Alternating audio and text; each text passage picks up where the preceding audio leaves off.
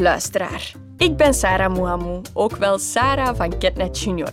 En ik ben mama van een superleuke zoon, Nou.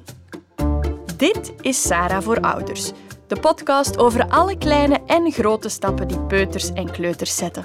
Ik ga in gesprek met Telicia Klai, ontwikkelingspsycholoog bij Ketnet en mama van twee grote zonen, en krijg op die manier meer inzicht in de ontwikkeling van een kind.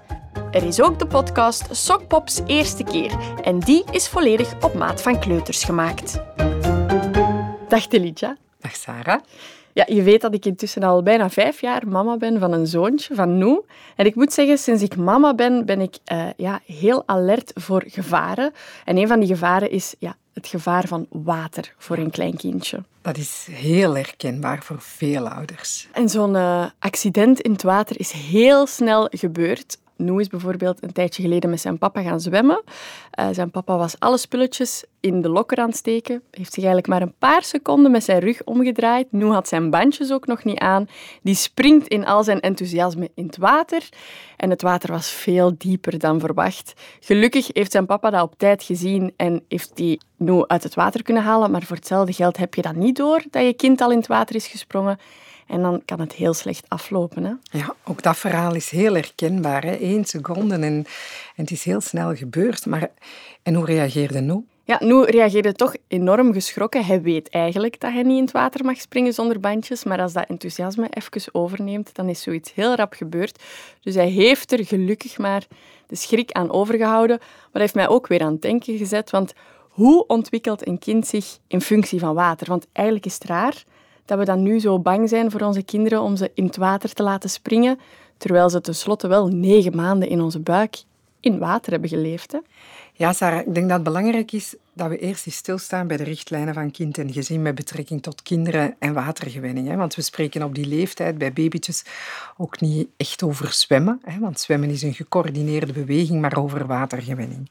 Nu, kind en gezin volgt eigenlijk de aanbevelingen van de Hoge Gezondheidsraad die stellen dat je kinderen of baby's onder het jaar, dus onder de 12 maanden, niet laat zwemmen in een zwembad. Waarom volgt kind en gezin die richtlijnen van de Hoge Gezondheidsraad op? Wel, de Hoge Gezondheidsraad stelt dat wegens hyperactieve slijmvliezen en immature longetjes, dat daardoor kinderen veel gevoeliger voor infecties zijn. En ze zeggen van het zwemmen, het, de watergewenning, het contact met water en het bewegen in water, de voordelen daarvan wegen eigenlijk niet op tegen de mogelijke infecties die kinderen kunnen opdoen als ze in een zwembad gaan. Een kind en gezin geeft wel een alternatief. Men zegt van watergewenning kan je ook opdoen samen onder de douche of bij het geven van een badje. Thuis kan je ook die watergewenning stimuleren.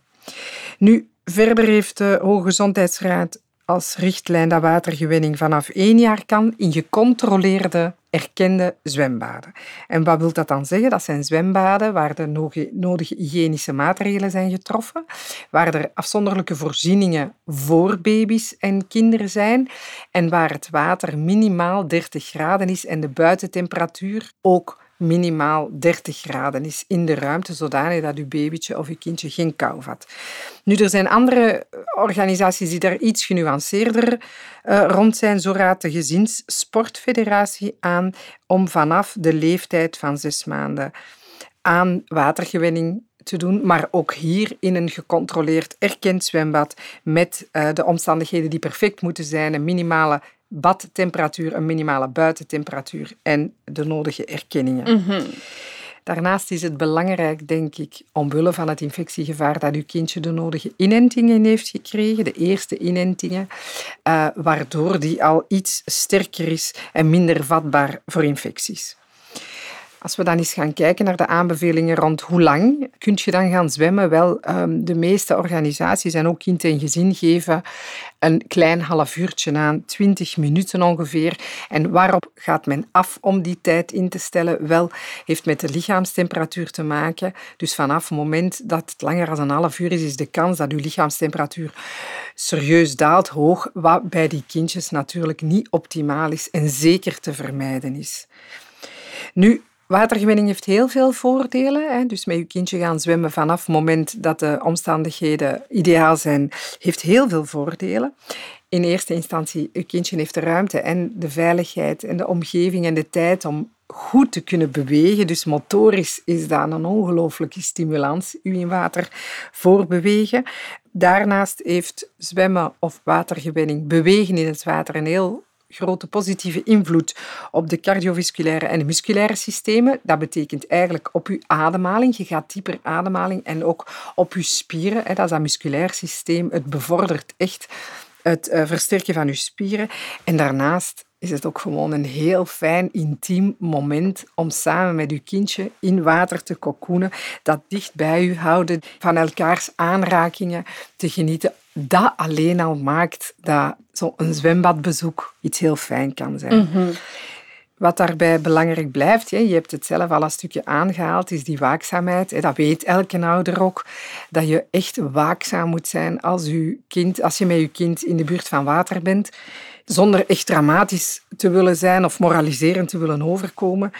We weten dat kinderen kunnen verdrinken, zelfs in de plas. Ja. Dus die hoge waakzaamheid is belangrijk. Kinderen roepen ook meestal niet om hulp als ze in water terechtkomen. Ze gaan ook niet met hun handen beginnen spartelen. Heel vaak hoor je niks en zie je niks en krijg je dus geen waarschuwingen vanaf het moment dat je kindje in dat water zit. Ook al denk je dat je kind echt een heel grote waterrat is, de grootste waterrat op aarde, mhm. het waakzaam zijn en er niet van uitgaan dat je kind zomaar veilig in water is, is echt heel belangrijk. Dus eigenlijk wil dat gewoon zeggen dat we zo snel mogelijk onze kinderen moeten leren zwemmen. Dat klinkt als een oplossing. Ah, wel, Sarah, ehm, je kan een kind eigenlijk niet zomaar eender wanneer leren zwemmen. Er is heel veel afhankelijk van de motorische ontwikkeling van kinderen. En die verloopt in een aantal fasen. Dus jouw kind moet ook echt klaar zijn om die bewegingen aan te leren. We kunnen eigenlijk drie fasen onderscheiden die plaatsvinden in het leren zwemmen. En de methode die heel vaak in zwemscholen gebruikt wordt, is de Fred Brevet methode. Die methode is ook een samenwerking met de Vlaamse Zwemfederatie, waardoor ze dus in heel veel zwemclubs gehanteerd wordt. Nu, hoe ziet die eruit? Die zwemmethodiek uh, verloopt in drie fases. De watergewenning, het leren overleven en de waterveiligheid en het uiteindelijk leren zwemmen. Nu, die watergewenning, die eerste fase, is iets anders dan de watergewenning die we gaan doen als jouw kindje één jaar is. Hè. Hier, de watergewenning gaat zich echt, echt richten op het omgaan in water met jouw romp, ledematen en hoofd. En men begint aan die fase tussen 3,5 en 4 jaar. En wat eigenlijk de bedoeling is, is dat je de eerste waterangst die dat kind heeft, dat die weggewerkt wordt en dat je eigenlijk de omgeving van water goed leert kennen. Je gaat eigenlijk de omgeving van water, je gaat je die eigen maken. Dat is eigenlijk wat er in die eerste fase gebeurt door te leren drijven, door onder water te leren bewegen, door met water te leren spelen. Die kinderen gaan heel veel spelletjes in het water doen, zoals bellen blazen, uh, jezelf nat spatten, in water durven springen, water op en neer doen bewegen met je armen.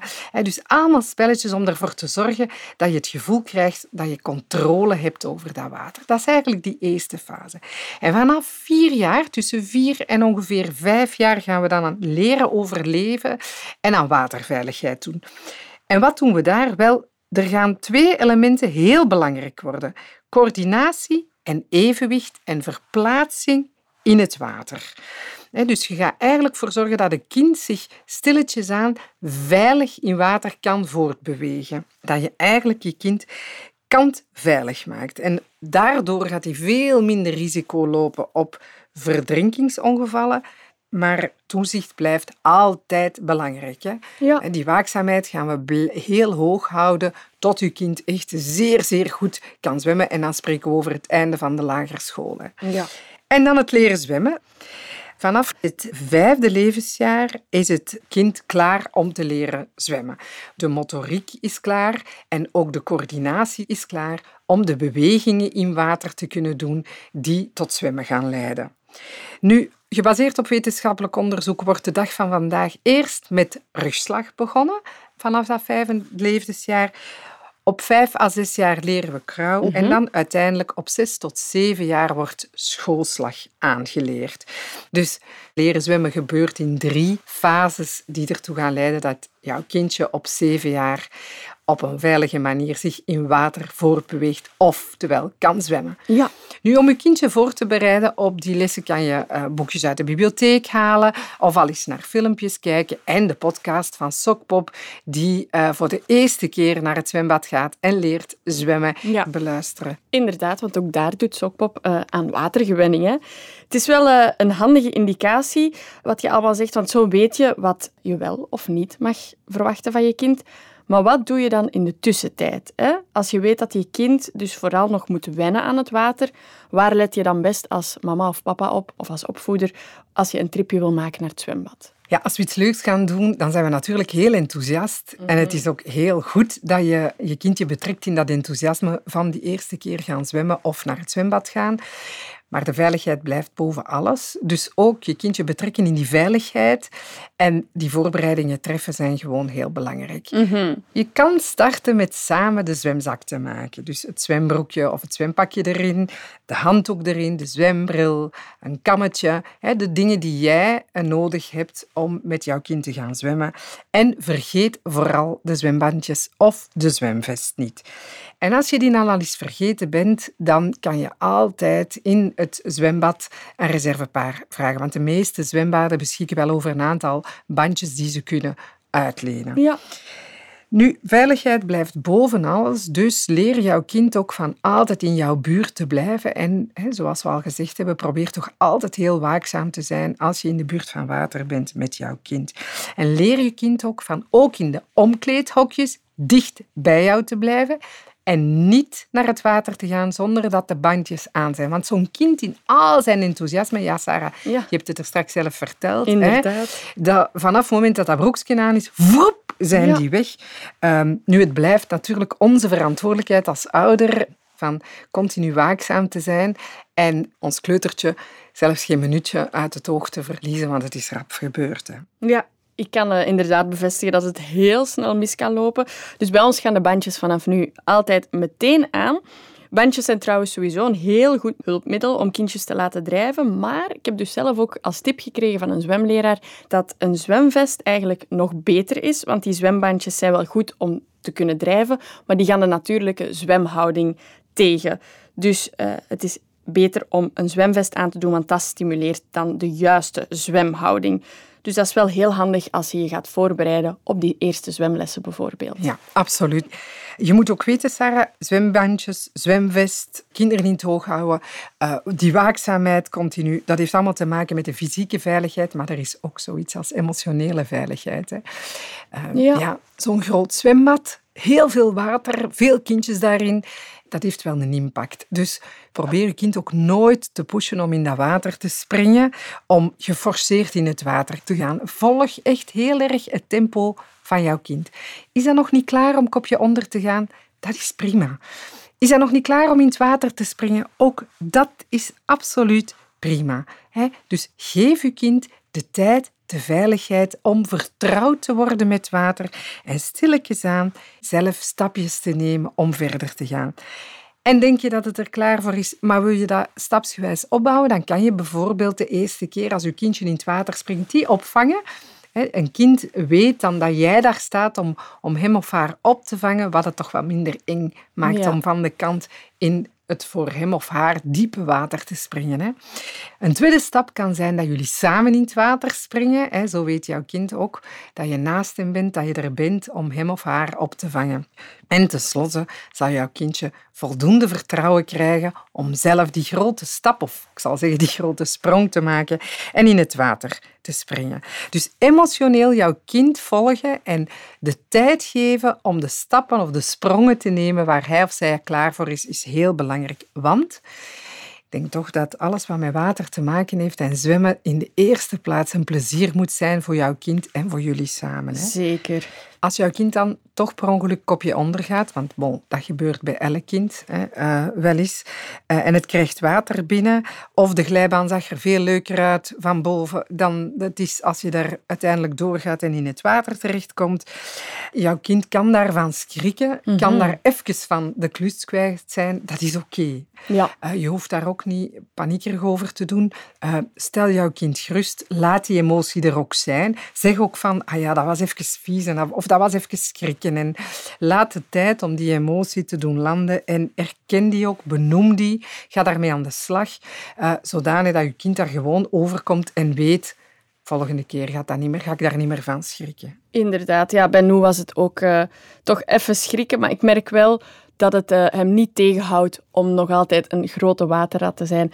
Dus uh, de schrik is uh, niet te heftig geweest voor hem, gelukkig. Ja, jullie hebben misschien ook wel een gesprek gehad met Noe om zijn emotie te laten landen, om het over die gebeurtenis te hebben. Ja, Noe is sowieso wel een kind dat heel gemakkelijk babbelt over dingen die hij heeft meegemaakt. Dus dat geeft ons dan weer een opening om dat gesprek met hem aan te gaan. En we hebben toch vooral echt gehamerd op dat in de buurt blijven van mama en papa en nooit in het water springen zonder je bandjes. Dus ik denk dat hij dat ook nooit meer gaat vergeten. Gelukkig maar. Ja. Weet je, Sarah, of het zwembadbezoek nu superleuk was, of dat je kindje nu huilde en water over zijn, zijn hoofdje of in zijn mondje kreeg? Praten is echt belangrijk. Rustig daarna de tijd nemen om over die gebeurtenis te praten. Wat was fijn in het zwembad? Wat was minder fijn? hoe was het om in het zwembad te springen? En hoe was het om je hoofdje onder water te doen? Dus heel die gebeurtenis even afronden is gewoon een goed moment om te kijken hoe dat jouw kindje daar tegenover staat. En let ook op daarna. Hè. Je zal merken dat jouw kind die gebeurtenis ook misschien meeneemt in zijn of haar spel. Mm -hmm. En dat zijn ook momenten waarover jullie dan het eens kunnen hebben, hè, over dat zwemmen. Nu, wat belangrijk is, blijf ook zwemmen. Blijf ook naar het zwembad gaan. Blijf ook met je kind dat water opzoeken samen. Want hoe meer jouw kind ook um, in water verblijft, hoe meer die zich zal voelen als een vis in het water. Hoe veiliger de situatie gaat worden en hoe meer plezier jullie samen aan die momenten zullen beleven. Hè? Ja, inderdaad. Wat ook wel belangrijk is, uh, wat ik nog wil toevoegen, is als het gaat over ander soort water. Hè, je hebt het zwembad, een mm -hmm. vrij gecontroleerde omgeving. De waakzaamheid in de buurt van stromend water is nog veel belangrijker. Stromend water, of het nu een zee of een rivier is, spreekt tot de verbeelding. De oneindigheid van dat water alleen al enerzijds en anderzijds ook alles wat er in dat water gebeurt en leeft, is gewoon een heel grote schat voor zo'n kind. Ja. Anderzijds is de kracht van stromend water, uh, of het nu de rivier is of de zee, en zeker als we het hebben over zeeën met heel wat temperament, zoals bijvoorbeeld de Atlantische Oceaan, is niet te onderschatten. Als je kindje aan de rand van de zee speelt, wat, wat voor een kind heel fijn is, mm-hmm. ga zo dicht mogelijk in de buurt zitten en hou jouw kind continu in het oog. Ook al heb je lagerschoolkinderen die al heel goed kunnen zwemmen, zeker als het water woelig is, een eb- en vloedtemperament heeft, zoals bijvoorbeeld de Atlantische Oceaan, de Noordzee, maar zelfs de Middellandse Zee, ja. is het gewoon belangrijk dat je altijd een oogje in het zeil houdt. En natuurlijk, je kan ook altijd nog samen met jouw kleuter of peuter de podcast beluisteren van Sokpop, die voor de eerste keer naar het zwembad gaat en aan watergewenning gaat doen. Hè. Ja, en dat was voor hem ook een heel avontuur. Zeg, Telidja, een vraagje voor jou. Ben jij zelf graag in het water? Ah, ik ben zo dol op water. Echt? In allerlei vormen. Ja, ik, absoluut. Dat is een van de omgevingen. Ik heb ook lang gedoken. Oh. Uh, ja, uh, waar ik mij ongelooflijk goed in voel. Ik ben echt een vis in het water. Er is één plek waar ik mij uh, het, het, beste voel en Ja. dat is de Atlantische Oceaan. Toch, Die steekt er absoluut boven alles uit. En is het nog altijd met een zwemvest? Nee, de zwemvest is gelukkig ondertussen uit. Oké, dankjewel voor het leuke gesprek. Heel graag gedaan, Sarah. Tot de volgende keer. Tot de volgende keer.